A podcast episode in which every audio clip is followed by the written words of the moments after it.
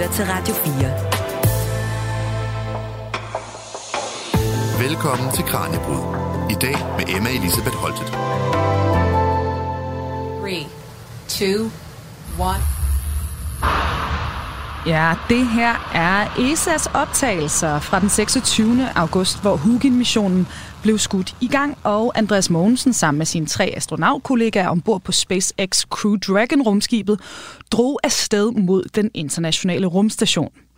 Holdet de ankom efter cirka 30 timers rumrejse, og vi står her og optager godt nok dagen før det her bliver sendt, så vi ved det faktisk ikke. Men hvis alt går efter planen, så er det altså torsdag kl. 16, at kommandør Mogensen som den første dansker nogensinde skal afsted på rumvandring. Og i den anledning, der dykker vi altså nu ned i missionens formål og den forskning, der bedrives på den internationale rumstation. Vi hører undervejs Andreas Mogensen selv fortælle om forberedelserne inden afrejsen, og vi bliver klogere på, hvad det kræver både fysisk og mentalt at være sted på noget så eventyrligt, men også så farligt som en rumrejse. Her igennem, der bliver vi blandt andet klogere på, hvorfor amerikanerne må lave sociale eksperimenter i store drivhuslignende anlæg i ørkenen, hvad vi menige jordboer egentlig får ud af den højtflyvende forskning, som astronauterne laver, og hvad der måske sker, når den internationale rumstation den engang skal lukkes og slukkes. Vi ser os nærmere på, hvorfor Andreas Mogensens Hugin-mission er et vigtigt skridt på menneskehedens vej mod Mars. Så lad os nu bare se og flyve afsted. Velkommen her til dagens Kranjebrud. Du lytter til Radio 4. Og også velkommen til vores guide her på dagens rumekspedition, der faktisk ved flere lejligheder har, har mødt Andreas Mogensen. Det er Hans Bull, der er museumsinspektør på Stenomuseet, der er en del af Science-museerne på Aarhus Universitet. Hans, tak fordi du var med. Stor fornøjelse. Jeg glæder mig. Ja, og, og det gør jeg også. Og vi, vi har jo altså, som jeg også sagde her i indledningen, vi står jo her og optager dagen før programmet her skal sendes. Ikke? Det er onsdag i dag, det bliver sendt i morgen.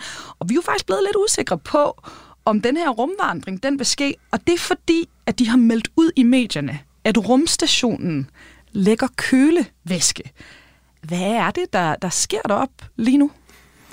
Ja, altså rumstationen er et øh, meget øh, ugæstfrit sted. Mm. Og øh, det er sådan, at øh, den side, der vender mod solen, den er cirka 120 grader varm og den side, der vender væk fra solen, kan blive ned til minus 160 grader.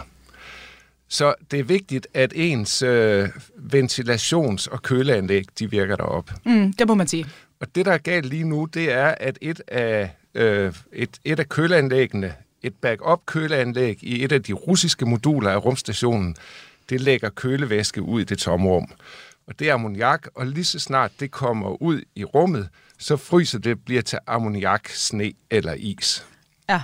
Og, øh, og det, det er lidt i vejen for det, man skal lave, og for at beskytte vinduerne har de slået skodderne for, og så kan de jo ikke uh, følge med inde i, fra inde i rumstationen, hvad Andreas laver udenfor. Nej, så det er altså muligt. Altså, nu, vi havde det jo også med opsendelsen af Hugin-missionen. Nu sagde de kom jo afsted der den 26. august, men altså, der var jo mange sådan øh, gange op til, hvor hele pressen stod der og ventede og tænkte, nu bliver de sendt afsted. Og så var der bare små detaljer, ikke? Så øh, det, ja, det er så, spændende. Så vi var også lige på arbejde om lørdagen ja, på Stenomuseet for at, at have vores store øh, opsendelsesarrangement. Ja, og øh, nu hvor vi snakker om hvor vildt et sted den her internationale rumstation den egentlig er. Altså, den øh, kan godt med rimelighed betegnes, siger du, som verdens største videnskabsprojekt. Hvordan det? Ja, altså det, det er jo altid svært at sige, hvad der er størst. Ja. Men det er i hvert fald et enormt projekt. Mm. Rumstationen, den vejer cirka 450 tons. Og den samlede udstrækning er cirka som en fodboldbane. Meget af det, det er 16 solpaneler, som øh, sørger for at lave strøm til alt det, der skal foregå på rumstationen. Øh, men øh, selve der, hvor astronauterne er, det er sådan en sjov samling af, hvad skal vi sige, cylinderformede campingvogne. Mm. Øh, der er øh, cirka 15 af de her moduler, cylindriske moduler, som er sat sammen som et byggesæt sådan i løbet af årene. Øh, og, og det er sådan set den egentlige rumstation. Det er der, hvor de øh, bor og spiser og arbejder og sover inde. Og der er cirka 1000 kubikmeter Okay. inde i de her øh, forskellige moduler af rumstationen. Og det hele er så spændt fast på sådan en, en bum, en gitterbum, der ligner en, en stor lysmast mm. eller noget, hvor, hvor det hele så sidder på, så man har sådan en, en stiv konstruktion. Men altså, kolo enormt stor. Og, et eller andet, du sagde sådan noget 16 solopgange, eller altså, ja, ikke sætte lidt over øh, det? og, og det er det, for at den overhovedet kan være i kredsløb om jorden, så skal den bevæge sig hurtigt. Øh, den er oppe i 400 km højde, cirka, og den bevæger sig med øh, lige knap 28.000 km i timen. Og det betyder altså, at øh, den når rundt om jorden 16 gange i løbet af et jorddøgn.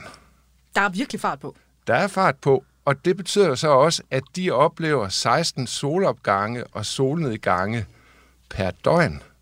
Og de oplever dem alle sammen, for de er jo langt, langt ovenover skyerne. Så det der med, at vores solnedgange samtidig er væk bag mm. skyer, det sker ikke deroppe. Og de har bare frit udsyn. De har frit udsyn, ja. ja. Og hvem har så fået alle de her moduler op? Altså, hvem, hvem har bygget rumstationen, og hvordan er den blevet til? Det er et øh, dejligt eksempel på internationalt samarbejde, mm. fordi det er faktisk Rusland og USA som hovedkræfterne, der har bygget den. De havde hver især planer om at skulle lave nye rumstationer til erstatning for dem, de har haft tidligere. Men så bliver man altså enige om, at vi skal lave en international rumstation, hvor vi slår kræfterne sammen. Ja. Så de er hovedaktører, men så er der øh, en hel del øh, juniorpartnere, som man siger, øh, godt og vel en halsnes lande, og, og ESA, det mm. europæiske rumsamarbejde, de er øh, de er rigtig kraftigt involveret, og det er også igennem ESA, at Danmark er med, og at vi har Andreas Mogensen deroppe. Han figurerer som ESA-astronaut. Og altså, som du siger, det er jo altså virkelig en en international station, det her. Ikke? Og, og derfor så var Andreas Mogensen jo faktisk i december sidste år taget helt til Rusland for at forberede sig her på netop Hugin-missionen. Og dengang, der var det jo hen mod slutningen på øh, krigen i Ukraines øh, første år. Og der talte vores reporter Kasper Friis med ham om, hvorfor jordens konflikter altså bare ikke må tages med ombord. Jeg synes lige, vi skal høre, hvad han øh, sagde til det og der er uro på jorden med øh, forskellige lande, der er enten i krig eller uvenner osv. Er det, er det også noget, I på en eller anden måde skal have skubbet af vejen? Jamen, altså, vi plejer at sige, at når vi tager i rummet, så efterlader vi vores nationalitet her på jorden, for vi tager afsted som mennesker, øh, og vi tager afsted som repræsentanter for alle mennesker øh, på hele jorden. Fordi det, vi laver i rummet, det er, vi forsøger at øh, hvad man sige, udvide vores fælles horisont, øh, opbygge fælles viden, øh, løse øh, problemer, som vi alle sammen øh, sige, står overfor. Øh, så derfor så tager vi ikke afsted som danskere, amerikanere eller russere. vi tager afsted som mennesker fra jorden. Øh, og så derfor så forsøger vi også at efterlade sige, de politiske spændinger, der er på, på jorden, dem forsøger vi at efterlade på jorden. Du lytter til Radio 4 fortalte her Andreas Mogensen, og klippet er altså fra vores eventyrtemaserie her i Kranjebrud, som vi sendte i december sidste år. Ja, Hans, altså som vi hører her, når astronauterne kigger ned på jorden, altså de her, som du siger, godt 400 km ikke, fra den internationale rumstation, så skal de altså glemme de her konflikter, som man eventuelt måtte have derhjemme på, på landjorden nationerne imellem. Og når nu så forskellige nationer, som du siger, altså for eksempel altså Rusland og USA, faktisk formår at gå sammen om at bygge og drive den her rumstation, så er den jo selv sagt vigtig. Altså, hvad er det, de kan undersøge derop i kraft af det her samarbejde, som forskerne ikke bare ville kunne finde ud af på anden vis derhjemme i deres separate nationalstater? Det er mange ting, øh, og det kan deles op i øh, flere hovedgrupper. Øh, for eksempel så er der en lang række eksperimenter, hvor man udnytter det, at de er i vægtløs tilstand. Mm. Og det vil sige, at øh, hvis du for eksempel øh, har hælder lidt vand ud af en flaske op i rumstationen, så vil det ikke lave en dråbe, der falder ned, men det vil lave en fuldstændig sfærisk kugle, som bare svæver rundt i luften. Ja.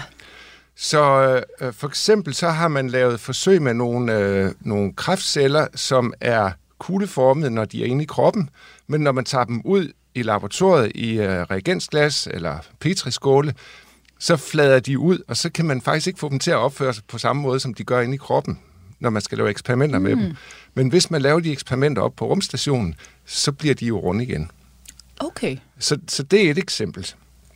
En, øh, og et af de forsøg, Andreas Mogensen skal lave, det er faktisk se, om en 3D-printer, der printer i metal, den også virker i vægtløshed. Man har selvfølgelig tjekket, at den virker på jorden. Men man skal bare være sikker på, at den også virker mm. i vægtløshed, for at man kan bruge den derop. Og grunden til, at man gerne vil gøre det, det er, at det er afsindigt dyrt at skyde ting op med raketter til rumstationen. Øh, så hvis man nu, i stedet for at have alle mulige reservedele liggende på lager derop, kan printe den reservedel, man skal bruge, så kan man spare en masse ressourcer der. Man skal bare være sikker på, at printeren dur. Øh, så, så, så det er det med vægtløshed. Mm. Noget andet er, at øh, de er jo langt uden for skylaget og jordens mm. atmosfære. Og øh, det kan de dels bruge til at kigge ned på jorden, øh, og se, øh, for eksempel øh, har man opdaget, at når det er tordenvejr, så skyder der også nogle røde og blå lyn ud fra oversiden af skyer, ud i verdensrummet. Og det er kun for år siden, man har opdaget det, og man ved faktisk ikke rigtigt, hvad de betyder for vejret og klimaet på jorden. Mm. Så det er noget af det, han også skal undersøge. Øh, samtidig så kan man også, øh, han skal også lave et forsøg, hvor han skal observere det, man kan kalde jordskin på månen.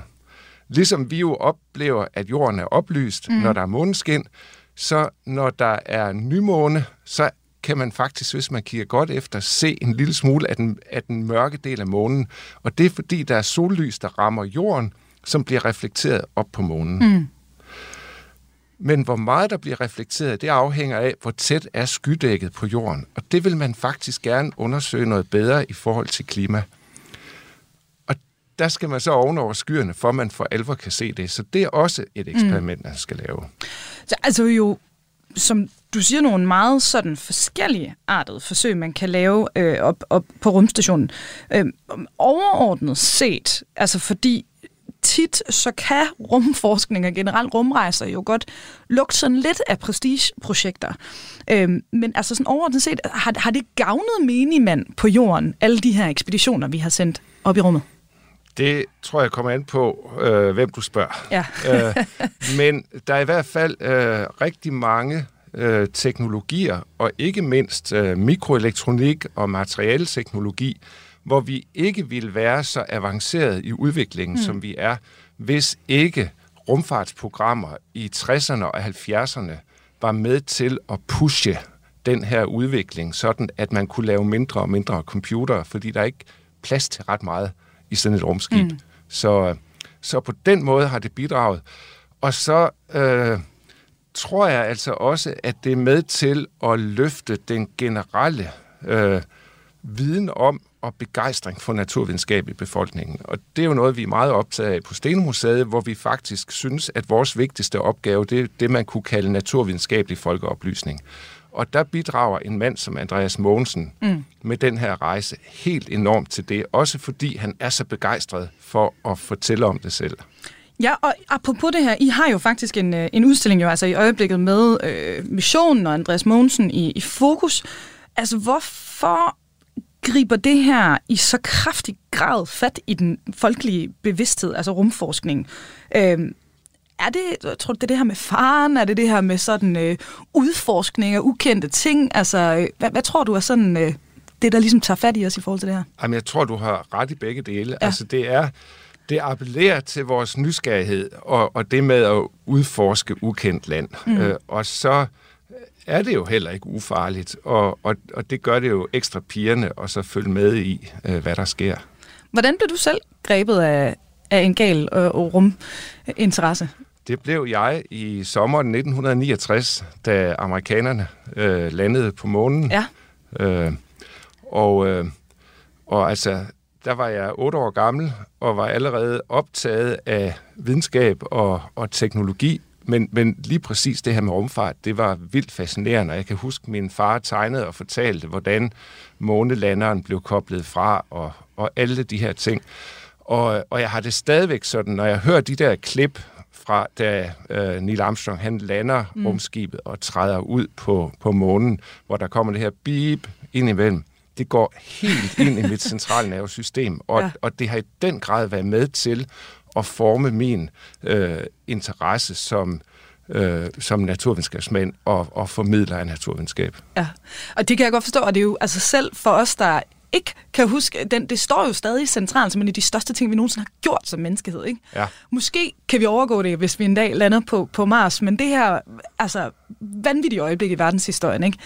det må virkelig have sat gang i manges drømme og også interesse, som du siger, jo. for det her område. Ikke? Og, og det blev jo tv-transmitteret ja. til øh, øh, hele verden. Ja. Øh, man havde jo lige lært at sende satellitter op, så man overhovedet kunne transmittere det. Øh, og, og der er jo nogen, der mener, at det på det tidspunkt var den mest sete tv-udsendelse. Altså den udsendelse, hvor flest mennesker samtidig havde set det mm. samme nogensinde. Og som du siger, altså det, det der også griber os, det er jo altså det her med at være astronaut, det står jo stadig nærmest som sådan det her ultimative eventyr på en eller anden måde. Ikke? Det er the final frontier i den ja, her tid, ja. hvor uh, man kan godt vokse op og synes, det er lidt kedeligt, at alle de der pletter på verdenskortet, de er blevet fyldt ud, men man kan stadig blive astronaut, og på den måde udforske noget, noget ukendt. Ikke? Altså, hvor farligt er det egentlig i dag at rejse til og også at bo på en rumstation?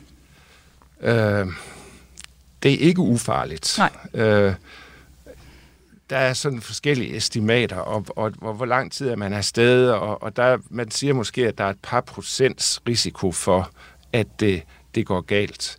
Øh, men, men faktisk er det relativt få, der er omkomne. Øh, der er... Øh, men, men de par gange, hvor der er sket uheld, og det er faktisk to gange, hvor den amerikanske rumfærge, mm. øh, der var en, der eksploderede under opsendelsen, og så var der en, hvor, hvor varmeskjoldet ikke virkede under nedstigningen. Og da der var syv astronauter med hver mm. gang, så har det kostet 14. Men jeg tror, det er øh, knap 20, der i alt er omkommet. Mm. Så, øh, og tre, det var en dag i Apollo 1, hvor man sad stadigvæk... Øh, det var, det var en test, ja. hvor man var på jorden, hvor der kom brand i, i øh, øh, rumkabinen.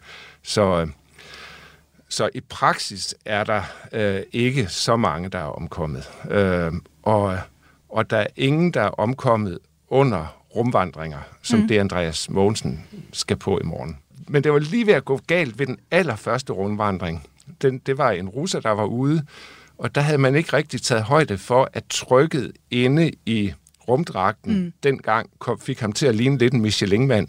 Så han var faktisk for tyk til at komme ind igennem luftslusen, da han skulle tilbage, og var nødt til at sænke trykket i rumdragten under den øh, vedtagende minimumsværdi, for han overhovedet kunne komme ind igennem lugen til rumskibet okay. igen. Men han klarede det. Han klarede den.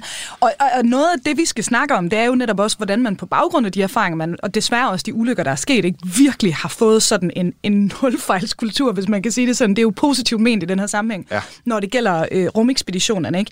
Alt er planlagt ned til den aller, aller mindste detalje, og som vi også har snakket om, vi står her, det er onsdag, det er i morgen, altså torsdag, hvor det her program det sendes, og Andreas Mogensen måske skal på den her rumvandring, mm. men det er et måske ikke, for hvis jo. der bare er det mindste så gør man det Så gør man det ikke, nej. Failure is not an option. Ja, det er deres, øh, det er deres motto nu. Ja. ja. Og det er altså det, vi skal dykke ned i nu. Hvordan de forbereder sig til det her. Altså blandt andet også øh, den fysiske træning, der skal til, og den mentale træning, som øh, er så sikre, at de her ekspeditioner, de er en succes. Du lytter til Radio 4. Og til nye lyttere, vores guide i dag, det er Hans Bull, der er museumsinspektør på Stenomuseet, en del af Science-museerne på Aarhus Universitet, hvor du altså lige nu kan opleve en udstilling om Andreas Mogensen og hans mission. Og Hans, vi har været inde på det, ikke? Altså på den her Hugin-mission, så skal Andreas Mogensen udføre rigtig mange forsøg, og det er altså 30 europæiske og 10 danske forsøg i løbet af det cirka halve år, hvor han opholder sig deroppe på øh, den internationale rumstation. Og vi kan jo selvfølgelig ikke gennemgå dem alle sammen. Vi har været inde på, på nogle af dem. Du nævnte blandt andet det her med 3D-printeren, som skal testes i, i vægtløs mm-hmm. tilstand. Der er også noget med, at han skal teste noget i forhold til lys og døgnrytme derop. Ja, øh, og det øh, er fordi man, er, man ved, at øh, astronauterne de sover rigtig dårligt, når de, når de er deroppe. Øh, og det er, hænger måske sammen med det her med, at de jo ikke kan lægge sig til hvile. Mm. Øh, de bliver spændt fast i en, øh, en øh, sovepose, øh, og så for at de ikke skal svæve væk. Men, men det er jo der, de er. Og så skal man da sørge for, at der er god ventilation omkring. Fordi i og med, der ikke er, er sådan naturlig konvektion på grund af, af tyngdekraft og lokal opvarmning, så betyder det også, at man faktisk kan blive kvalt af sin udåndingsluft, øh, når den kommer ud, fordi der ikke sker opblanding. Så derfor kører der ventilatorer hele tiden. Ja. Øh, men det værste, det er det her med skiftet mellem øh, øh, lys og mørke så mange gange i døgnet. Ja, 16, 16 solopgange og 16 ja. solnedgange. Øh, og, og, og der er der et dansk firma, som har udviklet en lampe, som i løbet af en 24-timers periode ændrer farve fra at have sådan noget, noget rødblåt lys øh, om morgenen til at give klart blåhvidt lys, øh, som svarer til dagslys om dagen, og så kommer der aftenrøde hen mod aften, sådan at, at, at kroppen ligesom vender sig til den der øh, mm. cyklus i, i farveskift. Øh, så, så, så det skal han jo også så se, om det virker. Og, og blandt andet for at se, om det virker, ja. så har han også et EEG, altså sådan, sådan en hjernebølgemåleapparat øh, med, som sidder i ørerne på ham, og som han skal sove med øh, i en periode, hvor de så måler hans hjernebølge om natten for at se, om han sover bedre, når det der lys er på øh, end når han ikke gør. Ja, det, det lyder helt vildt, og altså virkelig meget arbejde, de udfører, selvfølgelig, fordi det er så omkostningsfuldt og også risikabelt, som vi har snakket om, ja. at komme derop. Det skal virkelig udnyttes, skal man høre, jo, jo. ikke, når de her astronauter er derop. Og, og, og der vil jeg godt lige sige, at det er jo så der, hvor vi så også prøver at følge op på øh, Stenomuseet, ja.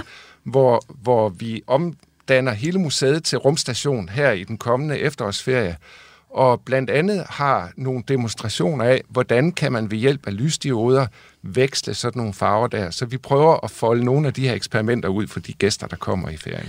Ja, fordi det er vel også igen, det her eksperiment lyder jo også som noget, vi potentielt øh, nogen af klodens beboere jo godt kunne have gavn af. Ikke? Der er jo også steder meget nordligt øh, på, på jorden, for eksempel, hvor øh, døgnet jo heller ikke ligner det vi er så heldige at have i Danmark. Øh. Altså, der kunne man vel faktisk drage nytte af de erfaringer, de gør på rundstationen lige nu, ikke? Og, og faktisk er det jo sådan, at de fleste europæer, de opholder sig indendør ja.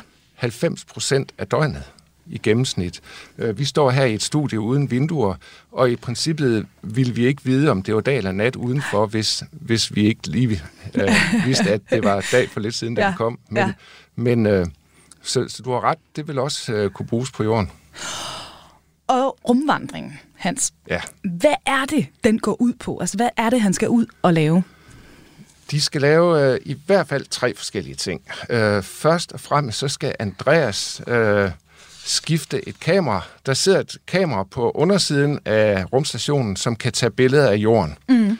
Øh, og der har man sendt et kamera op, som er endnu bedre og endnu mere detaljeret og med endnu større øh, Øh, billedudsnit end det, der sidder der nu. Så han skal skifte de kameraer, sådan at vi har det bedst mulige kamera til at tage billeder nedad med. Mens han gør det, så er der en amerikansk kollega.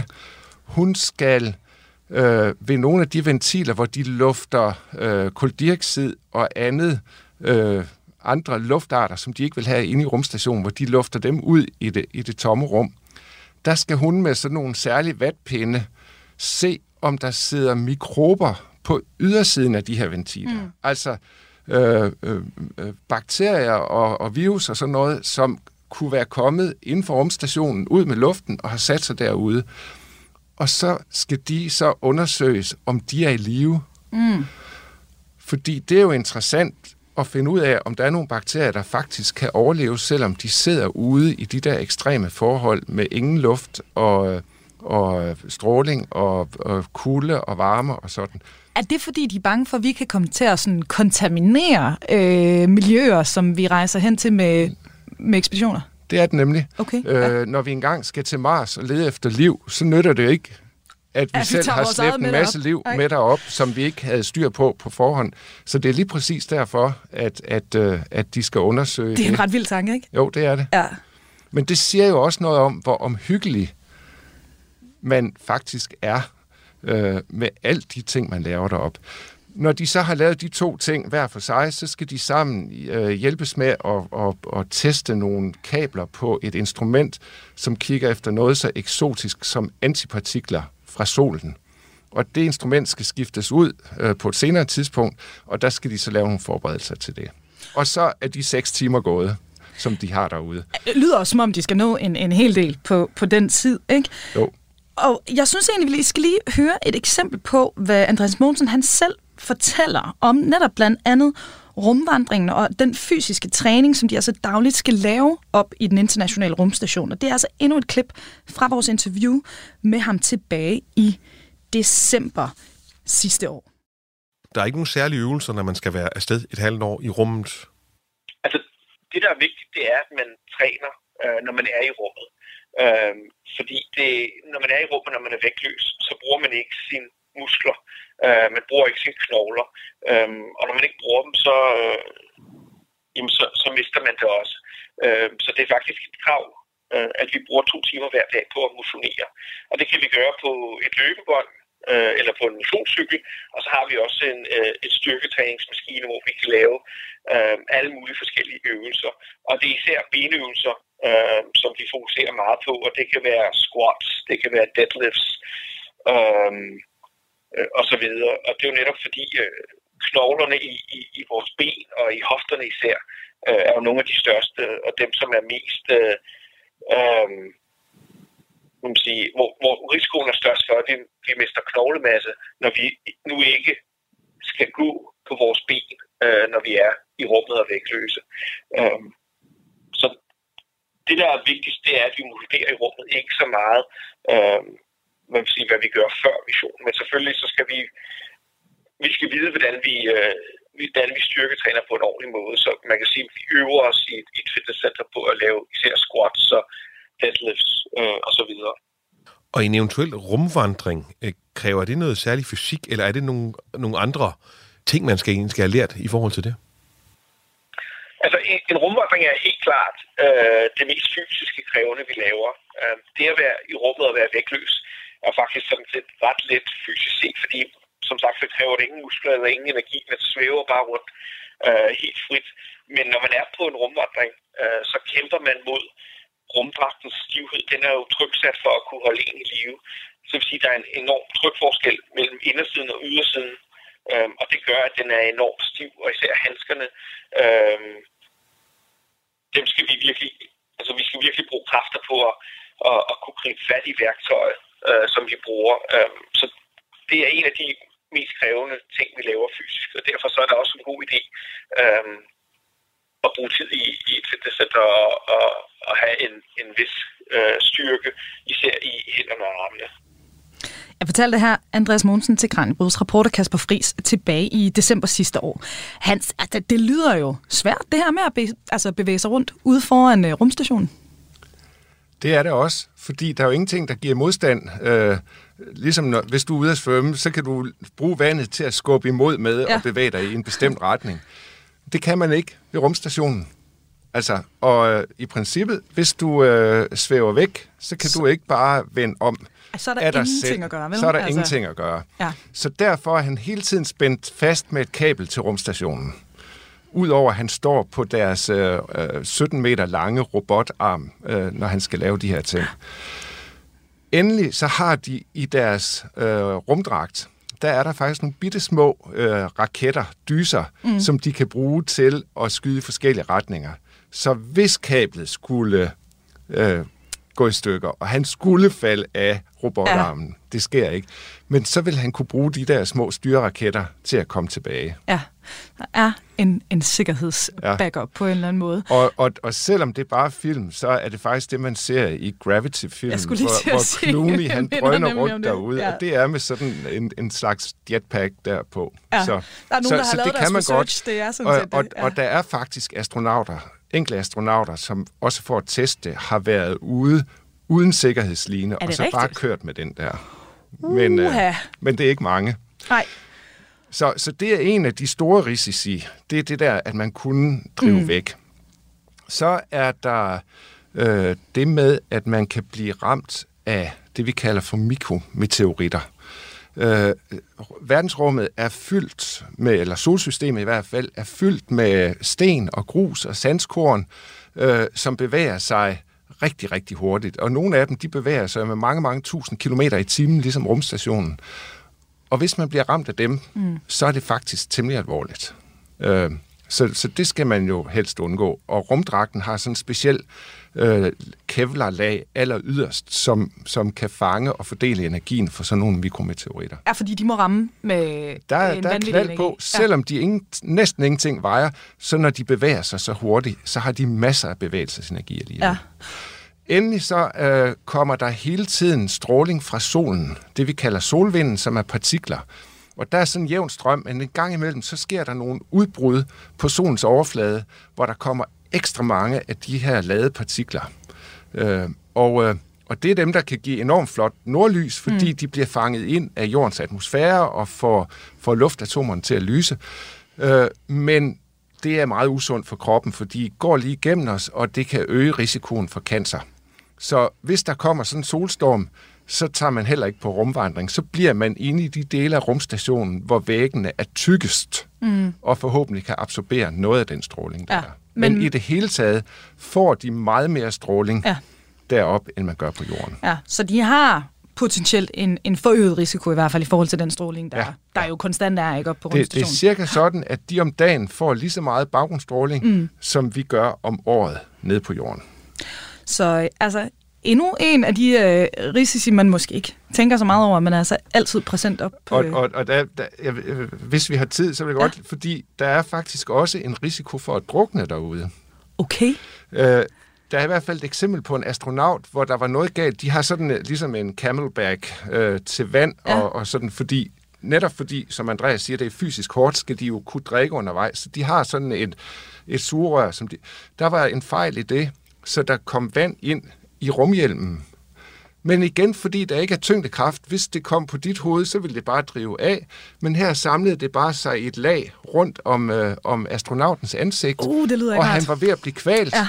Og så rystede han hovedet ind i rumdragten, så noget af vandet sprøjtede ud på hjelmen. Så øh, blev der så luft inde ved hans mund og næse, mm. men, øh, men han kunne ikke se ud af hjelmen, så der var egentlig andre, der måtte hjælpe ham med at guide ind. Og det siger jo noget om alle de her vidt forskellige artede problemer, man skal tage højde for. Ja, og apropos det, det er jo, fordi det er så ekstremt et miljø at komme op i som menneske, altså noget, der øh, virkelig må kræve noget mentalt forberedelse at tage afsted på sådan en ekspedition. Og øh, det er altså det, vi skal nørde videre ned i nu.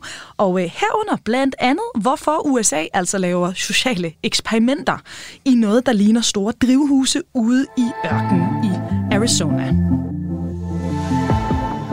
Lytter til Kranjebrud på Radio 4. Og museumsinspektør på Stenomuseet Hans Bull er vores gæst og ekspert her i studiet i dag, hvor vi i anledning af astronaut og kommandør på den internationale rumstation Andreas Mogensens forestående rumvandring dykker ned i hans aktuelle mission. Og vi bevæger os altså nu fra øh, de fysiske forberedelser over til, hvordan man mentalt prepper sig til det her helt vilde arbejde. Og Hans, hvorfor er netop det psykologiske aspekt så vigtigt at have med, når vi også taler om den her rumforskning? Prøv lige at forestille dig, at du får at vide, at du skal på et halvt års tur i en autocamper med fem af dine højt elskede kolleger. Det lyder fedt. Øh, der er bare lige det lille arbejderbej, at I kan ikke komme ud af autocamperen undervejs.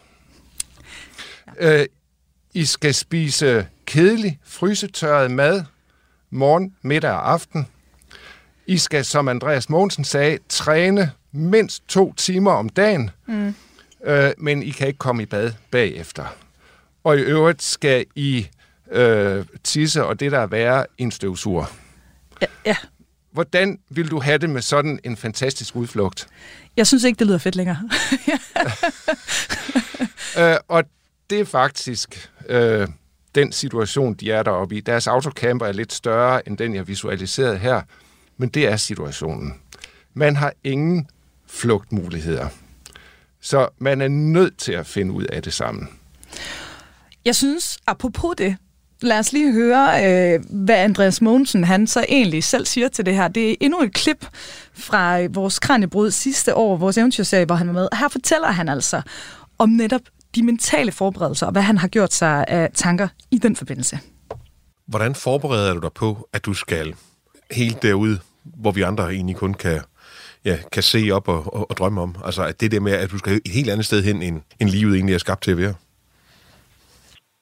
Ja, det er jo et godt spørgsmål. Altså, meget af det kommer jo gennem øh, de år, jeg har arbejdet som astronaut, og alt den træning, øh, jeg har været igennem. Altså, det er jo det er noget, jeg har ventet på på en rigtig lang tid, så man kan sige, at, at øh, jeg ved ikke, om der er noget sådan specifikt. Men det er ikke en del af pensum, at I skal tale med, med psykologer og så videre om altså et halvt år væk fra jorden? Altså det vi, jo vi har samtaler med psykologer, men det er mere for at øh, ligesom lære dem at kende, inden vi tager afsted. Fordi når, når vi er i rummet øh, og er ombord for rumstationen, så har vi mulighed for at tale med øh, en psykolog, hvis vi har brug for det. Altså, man kan jo ikke udelukke, at der kommer til at ske noget i løbet af, af seks måneder. Øhm, det kan være en konflikt, der bor på rumstationen med, med ens kollegaer, men det kan også være, at der sker noget på, på, på jorden øh, med ens familie eller venner, som man har brug for at, at tale med en psykolog om. Øhm, så det er, er mest af alt for at, ligesom lige at, at lære de psykologer uh, at kende, som man kommer, som man måske kommer til at tale med uh, fra rummet. Men ikke som decideret mental træning. Det er mere øh, for at lære dem at, at kende og måske opbygge en eller anden form for, for tillidsforhold til dem. Ja, altså når det kommer til at, at ligesom at, at forbedre vores performance i rummet, så, så har vi forskellige øh, kurser inden for det, vi kalder Human Behavior and Performance. Altså øh, at forstå, hvordan vi, vi selv er som mennesker, øh, hvordan vi reagerer på stress for eksempel, øh, hvad vores personlighedstype er, hvordan vi øh, bedst samarbejder med andre, og hvordan andre øh, personlighedstyper øh, kommunikerer og samarbejder, øh, og hvordan man undgår konflikter. Øh, fordi det handler jo om at, om at øh, opretholde et, et meget højt niveau, så vi arbejder så effektivt som muligt over øh, de seks måneder, vi skal være afsted. Så, så der kommer øh, Altså, der er også træning øh, inden for det, øh, men der handler det mest af alt om, om at, altså, at forbedre samarbejdet. Altså, hvordan arbejder du mest effektivt sammen øh, som det hold, man, man er afsted sammen med. Han tager det jo rimelig køligt, synes jeg, Hans. Ja, og, og det er kendetegnet, når, når man er sammen med ham. Det er altså den her utrolig rolige, øh, reflekterede personlighed, han, han udstråler. Og øh, han siger det ikke rigtigt her, men det mentale aspekt er jo også en vigtig del af udvælgelsen af ja. dem. Altså, der er en masse af, af fysiske prøver, og man skal være dygtig til, til nogle af de ting, der er brug for, men personligheden er også en meget vigtig parameter for overhovedet at blive valgt. Så det er måske derfor, at han ikke har så meget brug for at snakke med, med psykologen om, hvordan man skal opføre sig, fordi han er øh, han er en af de særlige udvalgte. Ja, og apropos, altså det her, det er jo selvfølgelig, som man også siger selv sagt, øh, noget, man har fokus på at undgå konflikter, når man, som du sammenlignede før med den her øh, campervan, man kunne køre rundt i den her lille lukkede øh, rumstation. Øh, vi har teaset for det et par gange. Jeg synes, vi skal zoome ind på noget, der jo mildest talt er et ret specielt forskningsanlæg.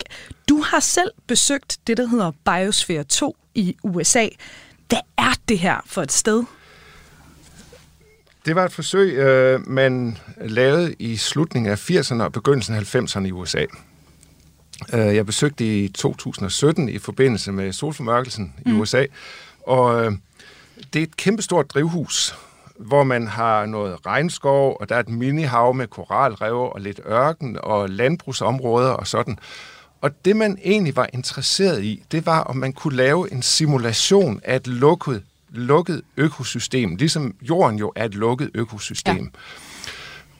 Og blandt andet med henblik på, hvis vi en dag skal lave baser på månen eller på Mars, øh, og ikke kan fragte fødevarer derop, kan vi så lave sådan et lukket system, hvor vi faktisk er selv opretholdende. Mm. Øh, og det var det, man ville. Øh, og det viste sig, at det fungerede ikke. altså rent teknisk kunne man ikke få det til at fungere. Man var nødt til at lukke ekstra ilt ind til dem, for at, at det ikke skulle være. Øh, men man sendte også en gruppe mennesker, øh, fire mænd og fire kvinder i, i det, det første og mm. det største af eksperimenterne ind, som skulle være der i to år uden anden kontakt med omverdenen, altså en øh, telefon og, og, og, og video og sådan mm. noget. Det, det skulle være hermetisk afsondret, lukket af fra omverdenen. Og de blev uvenner. Ja. Øh, og det var faktisk det, der var den største hindring for forsøget. Det var, at de kunne ikke finde ud af at samarbejde. Og ret hurtigt, så bliver der dannet to fraktioner, som bekæmper hinanden i stedet for at samarbejde.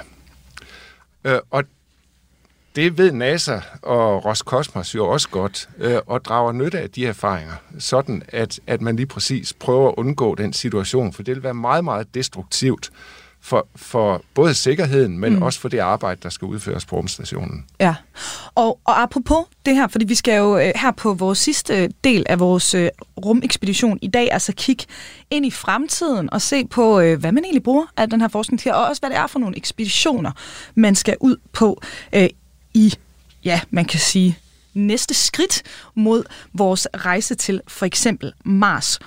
Og øh, jeg synes, at øh, vi lige skal øh, høre et øh, lille klip mere med øh, Andreas Mogensen, og øh, han øh, og resten af crewet er jo lige nu i fuld sving med deres mission op på den internationale rumstation. Lad os lige høre, hvad det er, han tænker, det her det kan bidrage til. Sådan en rejse, som du så skal på til august 2023, er det en rejse mod det ukendte, eller er der så meget, så meget styr på alting, så stort set ingenting er ukendt? Det er jo øh, helt sikkert øh, en rejse øh, på vej mod det ukendte. Altså forstået på den måde, at forskning øh, er jo netop en måde, vi forsøger at forstå øh, verden, øh, som vi er en del af. Altså forskning handler jo også om at udforske verden. Det er måske ikke en fysisk rejse, men det er øh, at blive klogere på den verden, øh, på den ukendte verden, øh, eller i hvert fald at svare på nogle af de spørgsmål, som vi ikke har svar på endnu. Øh, men derudover så er øh, missionen jo også en, en, en, en fysisk rejse ud i det ukendte. Altså det, vi laver ombord på vores det er også at øh, forberede os på at tage tilbage til månen og rejse videre til Mars. Øh, og nu her, øh, her i øh, her for nylig, der landede jo øh, Artemis 1-missionen øh, tilbage på jorden efter 25 dage øh, i, i, i, i rummet og i kredsløb om månen. Øh, og vi vil inden for de næste to år se den første bemandede testflyvning tilbage til månen, og så måske i løbet af 2025-2026 se de første mennesker lande på månen igen. Det er første gang siden 1972. Øh, og meget af det, vi laver og bor på rumstationen, det handler jo netop om at øh, få den viden, udvikle den teknologi, som skal gøre det øh, muligt for os ikke kun at besøge månen, men altså etablere en base, øh, tilbringe længere tid, end vi nogensinde har gjort før, og så forhåbentlig en dag i fremtiden rejse videre til Mars. Så din rejse er et, et skridt mod det endnu mere ukendte, kan man sige? Det er det helt sikkert. Øh, rumstationen er et øh, helt utroligt godt sted øh, at forberede os på, øh, eller i hvert fald at lære, hvad der skal til, for at vi kan drage længere ud øh, i rummet. Du lytter til Radio 4. Jeg fortalte her Andreas Mogensen til vores reporter Kasper Friis, og interviewet her var altså fra december sidste år. Hans, som øh, Mogensen han fortæller her, Hugin-missionen, den øh, tager sig altså et skridt nærmere Mars. Kan du ikke lige sætte lidt ord på, hvordan gør den det? Jo, men jeg kunne godt tænke mig lige at, at gribe fat i det, han siger, ja. at Kasper Fris fisker efter, at det overhovedet at skulle derop, ja. at det er rejsen mod det ukendte. Ja. Øh, og, og den glider Andreas Mogensen jo fuldstændig af på, og jeg synes, det øh, kommenterer meget godt det, vi har snakket om tidligere, at det er så gennemtrænet, og teknologien er så velafprøvet, mm. at i sig selv er rejsen ikke en rejse mod ja. det ukendte. Det skal være standard, for det ikke er farligt. At det er forskningen, det er det, vi skal lære noget om. Det er mm. det at finde, netop som Andreas siger, de nye teknologier, de nye metoder til at kunne overleve på. og det er det, man vil bruge øh, de her øh, rejser til månen med, mm. øh, for at, at blive bedre til at opholde sig længere væk fra jorden. Mm. Øh, forbedre teknikkerne til at lande på en, en måne eller, eller på Mars til sin tid, øh, og, og prøve alle de her ting af, fordi vi kan en hel masse i dag, som man ikke kunne med Apollo-programmet for øh, rigtig længe siden efterhånden. Ja, og, og, og vi har jo øh, været inde på det et par gange, men hvis der er lyttere, der er kommet til undervejs, så kan jeg jo lige sige, altså, der er jo det faktum, vi står jo og øh, har lige fået at vide sådan her i går, meldte de det ud, ikke, at der ligger kølervæske ud fra den internationale rumstation. Jo ikke sådan et tegn på, at forholdene deroppe er tip-top og helt moderne. Ikke? Altså, hvor mange år endnu kan den internationale rumstation egentlig benyttes og bebos? Altså planen er, at den skal kunne bruges cirka til 2030. Det er jo heller ikke, det er jo ikke sådan en, en mega lang tidshorisont. Nej, nej det, er, altså, det er syv år. Det er, det er syv, syv år, år mere. Ja. Øh, og, og, og det kan jo være, at de bliver nødt til at rykke på det, fordi øh, som, som jeg læste en ekspert sige, at, at øh, det, for, for, at problemet er, at det er tredje gang, at der er sådan en læk på en af de russiske moduler øh, deroppe øh, inden for det sidste år.